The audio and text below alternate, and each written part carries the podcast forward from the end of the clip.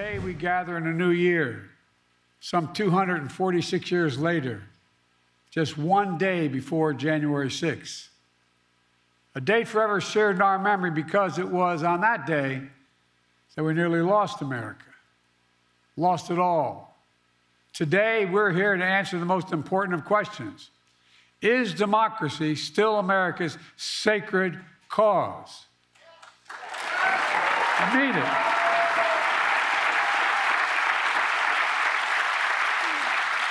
This is not rhetorical, academic, or hypothetical. Whether democracy is still America's sacred cause is the most urgent question of our time. And it's what the 2024 election is all about. Let's be clear about the 2020 election. Trump exhausted every legal avenue available to him to overturn the election, every one. But the legal path just took Trump back to the truth that I'd won the election and he was a loser.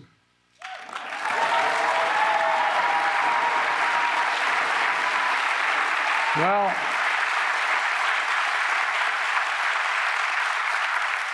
so knowing how his mind works now, he had one, he had one act left, one desperate act available to him the violence of January the 6th. And since that day, more than 1,200 people have been charged for their assault on the Capitol. Nearly 900 of them have been convicted or pled guilty.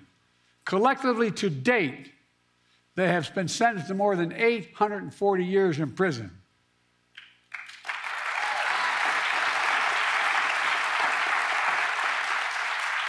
What's Trump done? Instead of calling them criminals, he's called these, these insurrectionists patriots. They're patriots. And he promised to pardon them if he returns to office. Trump said that there was a lot of love on January the 6th. The rest of the nation, including law enforcement, saw a lot of hate and violence. They were insurrectionists, not patriots. They weren't there to uphold the Constitution, they were there to destroy the Constitution. Trump won't do what an American president must do. He refuses to denounce political violence. So hear me clearly. I'll say what Donald Trump won't. Political violence is never, ever acceptable in the United States political system. Never, never, never. It has no place in a democracy. None. Ja, president Biden bij de aftrap van zijn campagne in Pennsylvania. En ik zeg hetzelfde, maar deze speech moet je echt even helemaal terugkijken. Ja, het is een Biden-speech, dus dat betekent dat hij toch zich een heel klein beetje door de autocue heen hakkelt. En ja, natuurlijk, de speech is afgelopen, dan lijkt het alsof hij zich lijkt af te vragen waar ben ik beland. Maar Terwijl ik dat zeg, denk ik ook niet zo flauw doen, want ik blijf ook bij mijn eerdere tip. Kijk, deze speech duurt ongeveer 20 tot 30 minuten helemaal terug. Het is een van de betere speeches van Biden en ook een van de beste die hij gegeven heeft, denk ik, als president en ook als presidentskandidaat, omdat hij uh, het beestje bij de naam noemt. Hij vindt Donald Trump een dictator in wording en dat zegt hij ook. Hij komt ook uitgebreid terug in die speech bijvoorbeeld op het feit dat zowel Rudy Giuliani, die twee arme dames hè, die een uh, smintje aan elkaar gaven in het stembureau. Uh, waarvan hij zei dat was een USB-stick met allerlei stemmen. Ja, dat die een record schadebedrag moet betalen. Dat Fox News uh, een schadebedrag moet betalen. Ook een recordbedrag, bijna een miljard dollar. Omdat ze gelogen hebben over de verkiezingen. En Trump doet dat ook, zegt hij. Het was dus een felle Biden. En um, ja, je zag ook een aantal keer, dat vond ik heel mooi, dat hij bijvoorbeeld zei: uh, Oh, Donald Trump, wat een zieke. En dan stopte hij, dan wilde hij eigenlijk zeggen: Wat een zieke son of a bitch. Maar dat deed hij dan niet. Hij zei ook een paar keer van, oh, dat Ierse bloed, dat voel ik opkomen. Ja, dit is natuurlijk wel hoe je hem wilt zien als je tegen Trump bent. Hè? Als je democraat bent, je wil dat hij die handschoenen uitdoet en Trump aanpakt. En je hoorde de afgelopen weken meerdere democraten en ook politieke commentatoren zeggen: ja, hij is te netjes. Hij noemt Trump steeds niet bij naam. Hij noemt het Bezi niet bij de naam. Terwijl als hij vindt dat Trump uh, een Hitler in wording is, hè, uh, uh, Biden refereerde ook aan de nazi's in zijn toespraak vannacht. Ja, dan moet hij dat ook gewoon zeggen. Dan moet hij daar ook kei en keihard stelling tegen nemen. En dat niet op een hele nette manier doen zoals hij dat wel vaker heeft gedaan. Hè. Dan zegt hij bijvoorbeeld van ik heb het over je weet wel, dan wil hij de naam Trump niet noemen. Nee, als je democraat bent, als je Trump uit het Witte Huis wil houden, dan moet je er met gestrekt been ingaan. En dat is wat hij heeft gedaan. Hij heeft tegelijkertijd ook uh, zijn campagne afgetrampt uh, op denk ik de enige mogelijke manier waarop hij dat kan. Namelijk, hij heeft gezegd, de democratie staat op het spel. De vraag die we ons moeten stellen volgend jaar is wat voor een land we zijn. Zijn we nog steeds een democratie of uh, gaan we toestaan dat iemand de verkiezingen kan winnen, die de uitslag niet accepteert, die zelfs politiek geweld niet veroordeelt, enzovoort, enzovoort, enzovoort. Kortom, gestrekt been. Uh, Trump is een loser, zei Biden. En Trump heeft uh, geprobeerd om een opstand te creëren tegen uh, ons eigen land. Hij is een insurrectionist. Al die mensen, dat zei hij ook net, die hem hebben geholpen op 6 januari, zijn ook opstandelingen. En een mooi moment in zijn speech was ook, vond ik, dat hij zei: Kun je het je voorstellen? Trump trapt zijn campagne af, uh, en tenminste een belangrijke rally af, met een geluidsfragment van het uh, eh, 6 januari koor, hè, het January 6 Choir, waarin gevangenen, mensen die veroordeeld zijn voor wat ze bij de kapitoolbestorming hebben gedaan, uh, waarin die het volkslied zingen en, en daar trapt hij zijn campagne mee af. Dit kunnen we toch als land niet toestaan, dit kunnen we toch nooit meer in de buurt van het Witte Huis uh, uh, laten. Nou, jullie kennen mijn standpunt inmiddels. De vorige podcast ging daar uitgebreid over. Naar aanleiding van mijn gesprek met Alexander Pechtold. Ik kies geen kant. Maar als je een democraat bent, dan wil je dit natuurlijk ook horen. Hè? En daar komt ook wel bij, en dat is denk ik goed om te benoemen, dat dit ook wel een lijn is die Biden moet bewandelen. Want ik heb het vaker gezegd, zo'n 60% van de Amerikanen vindt echt wel dat wat Trump heeft gedaan, niet alleen op 6 januari, maar ook als het gaat om die geheime documenten of andere zaken, ja, dat al die juridische zaken bij elkaar, dat dat allemaal problematisch is. Zij maken zich daar zorgen over. Maar feit is ook dat 70% van de Amerikanen, meer Amerikanen dus, zich zorgen maken over de mentale gesteldheid van president Biden. En uh, kijk, het verkiezingsargument van president Biden is: hè, uh, ik ben de enige die Trump kan stoppen we moeten, uh, je, vindt mij misschien niet een, een, perfecte man, je vindt mij misschien ook een beetje te oud, misschien vindt mijn familie dat stiekem ook wel, maar uh, nogmaals, ik ben de enige die Trump kan stoppen en de, de, de, keuze is niet of je mij aardig vindt of niet, of dat je mijn beleid goed vindt of niet. De vraag is, behouden we onze democratie? En, en, en dat is denk ik een, een belangrijk punt wat hij ook moet maken, omdat, ja, nogmaals, mensen vinden hem ook te oud. Bij normale verkiezingen zou ook de vraag zijn, waarom doe je überhaupt nog een keer mee? Dat wordt natuurlijk nu ook wel gezegd, maar Biden komt dan terug met zijn repliek van, ja, ik ben de enige die Trump gestopt heeft. Uh, dat is alle Republikeinen niet gelukt. In 2016 niet. Dit jaar misschien ook weer niet.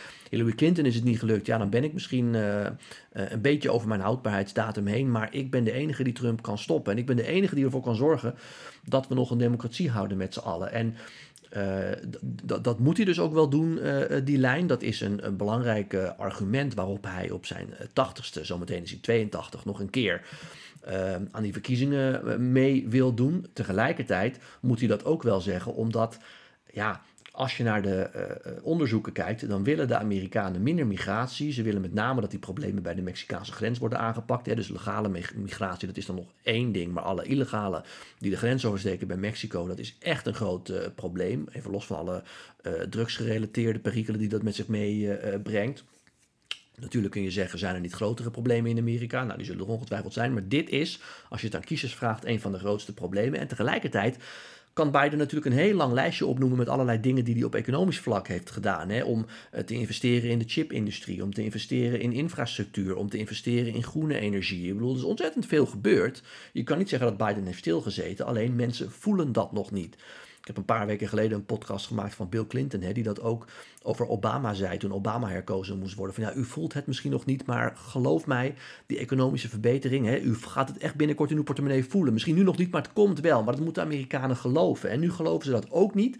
En dus denk ik dat zo'n economische boodschap waarin Biden zegt wat hij allemaal bereikt heeft, dat hij daar ook de verkiezingen niet mee in kan gaan. En dan komt nog eens bovenop het feit uh, wat ik net zei, dat die eigenlijk natuurlijk over zijn houdbaarheidsdatum heen is. Dus als we het allemaal samenpakken, dan zegt Biden: Ik weet het, ik ben niet de ideale kandidaat. Ik ben misschien een tikkeltje te oud. Maar ik ben de enige die tussen ja, de democratie en een dictatorschap in staat. En tegelijkertijd laat ik dan van iets negatiefs iets positiefs maken. Uh, uh, wees nou blij dat ik op mijn oude dag, ik had ook achter de geradiums kunnen zitten, dat ik de laatste jaren van mijn leven opoffer om ons land uh, te redden. En ja, Biden refereerde niet voor niks. Daarom was hij ook op die specifieke plek in Pennsylvania aan een cruciale veldslag die heeft plaatsgevonden om Amerika uh, onafhankelijk te maken van de Britten. Die veldslag werd geleid door George Washington. En toen zei Biden ook een aantal keer. Er zijn talloze, hè, duizenden boeken over geschreven en films en series over gemaakt. George Washington werd uiteindelijk Amerika's eerste president. Maar, zei Biden, uh, die heeft zo'n belangrijke rol gespeeld in die Amerikaanse onafhankelijkheid. Uh, het had volstrekt normaal geweest, zeker in die tijd dat hij onze uh, keizer of koning zou worden, onze dictator zou worden. Hè. George Washington die hoefde nooit meer zijn macht op te geven, tot en met zijn dood aan toe niet. En toch heeft Washington gezegd, ja, ik ben Amerika's eerste president, maar ik treed af en er moet een nieuwe president komen, wat zo doen wij dat. Hè. We hebben hier de peaceful transfer of power en gaan we dat dan nu, zoveel jaar later, te grabbel gooien? Dat is eigenlijk uh, Bidens key election pitch. En ik denk dus ook dat ja, hij moet dat doen. Want uh, als het gaat om het economisch beleid, kan hij wel zeggen dat er heel veel dingen goed zijn gegaan. Maar kiezers voelen dat anders. Uh, en het is ook eigenlijk de enige reden waarom hij kan verantwoorden dat hij op zo'n hoge leeftijd alsnog aan die verkiezingen mee kan doen. Dus ik denk, lang verhaal kort, dat Biden uh, zijn campagne op de enige juiste manier heeft afgetrapt gisteren in Pennsylvania.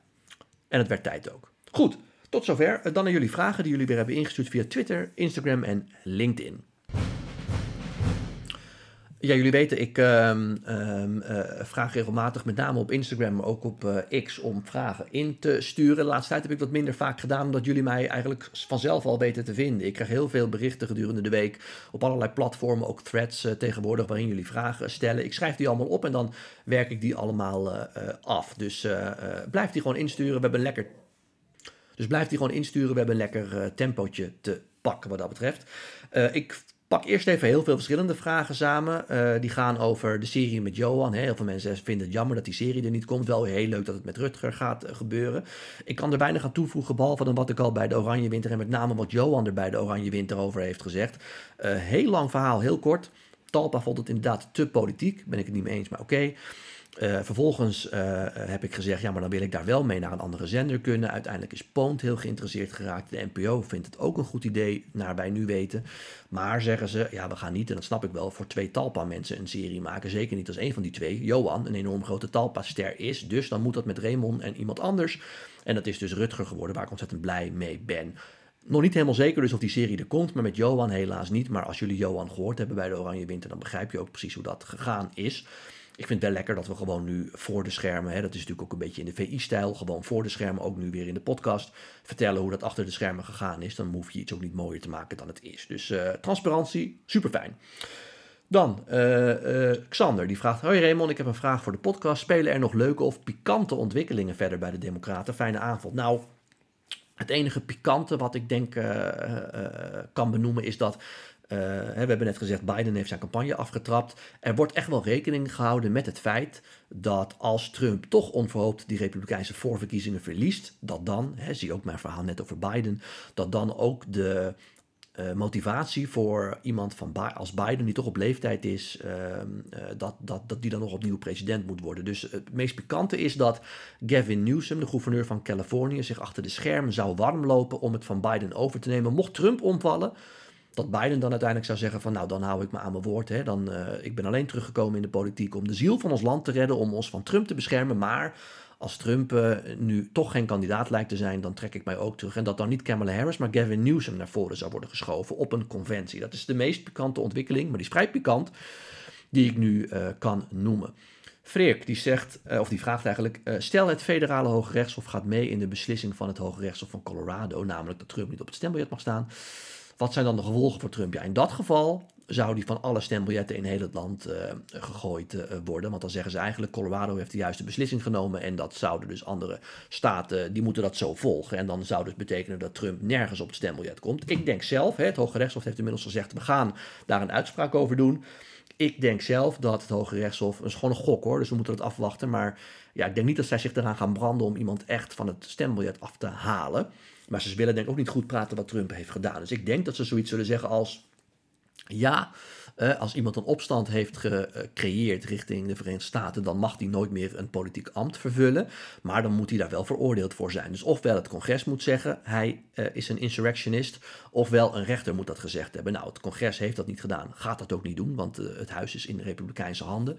En ja, een rechter zal dat denk ik ook niet doen, want die 6 januari-zaak die gaat niet specifiek over dit punt. los van het feit dat die hele 6 januari-zaak niet voor de verkiezingen, denk ik, afgerond zal zijn. Dus dat, dat is mijn gok dat ze zoiets gaan zeggen. Maar we moeten het afwachten.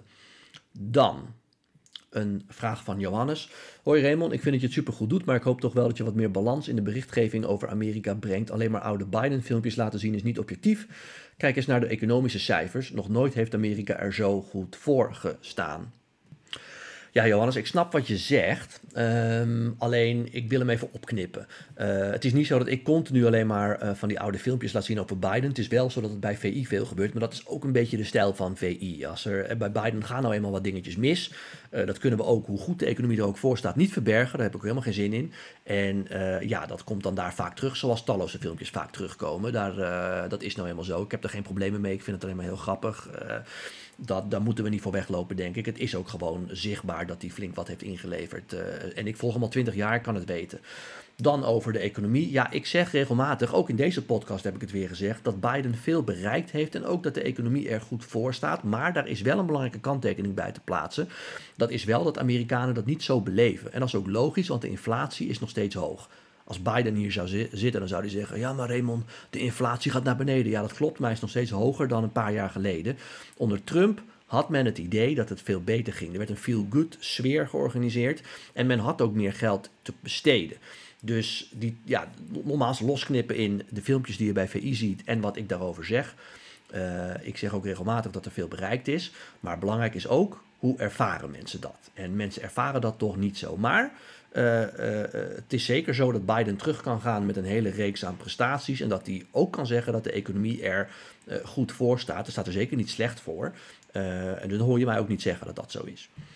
Goed, dank weer voor al jullie vragen. Blijf die insturen. Ik heb er nog een aantal staan, maar nogmaals, blijf die sturen. Dan vul ik die gewoon weer aan. En dan beantwoord ik die weer in een volgende podcast. Tot zover, tot dan.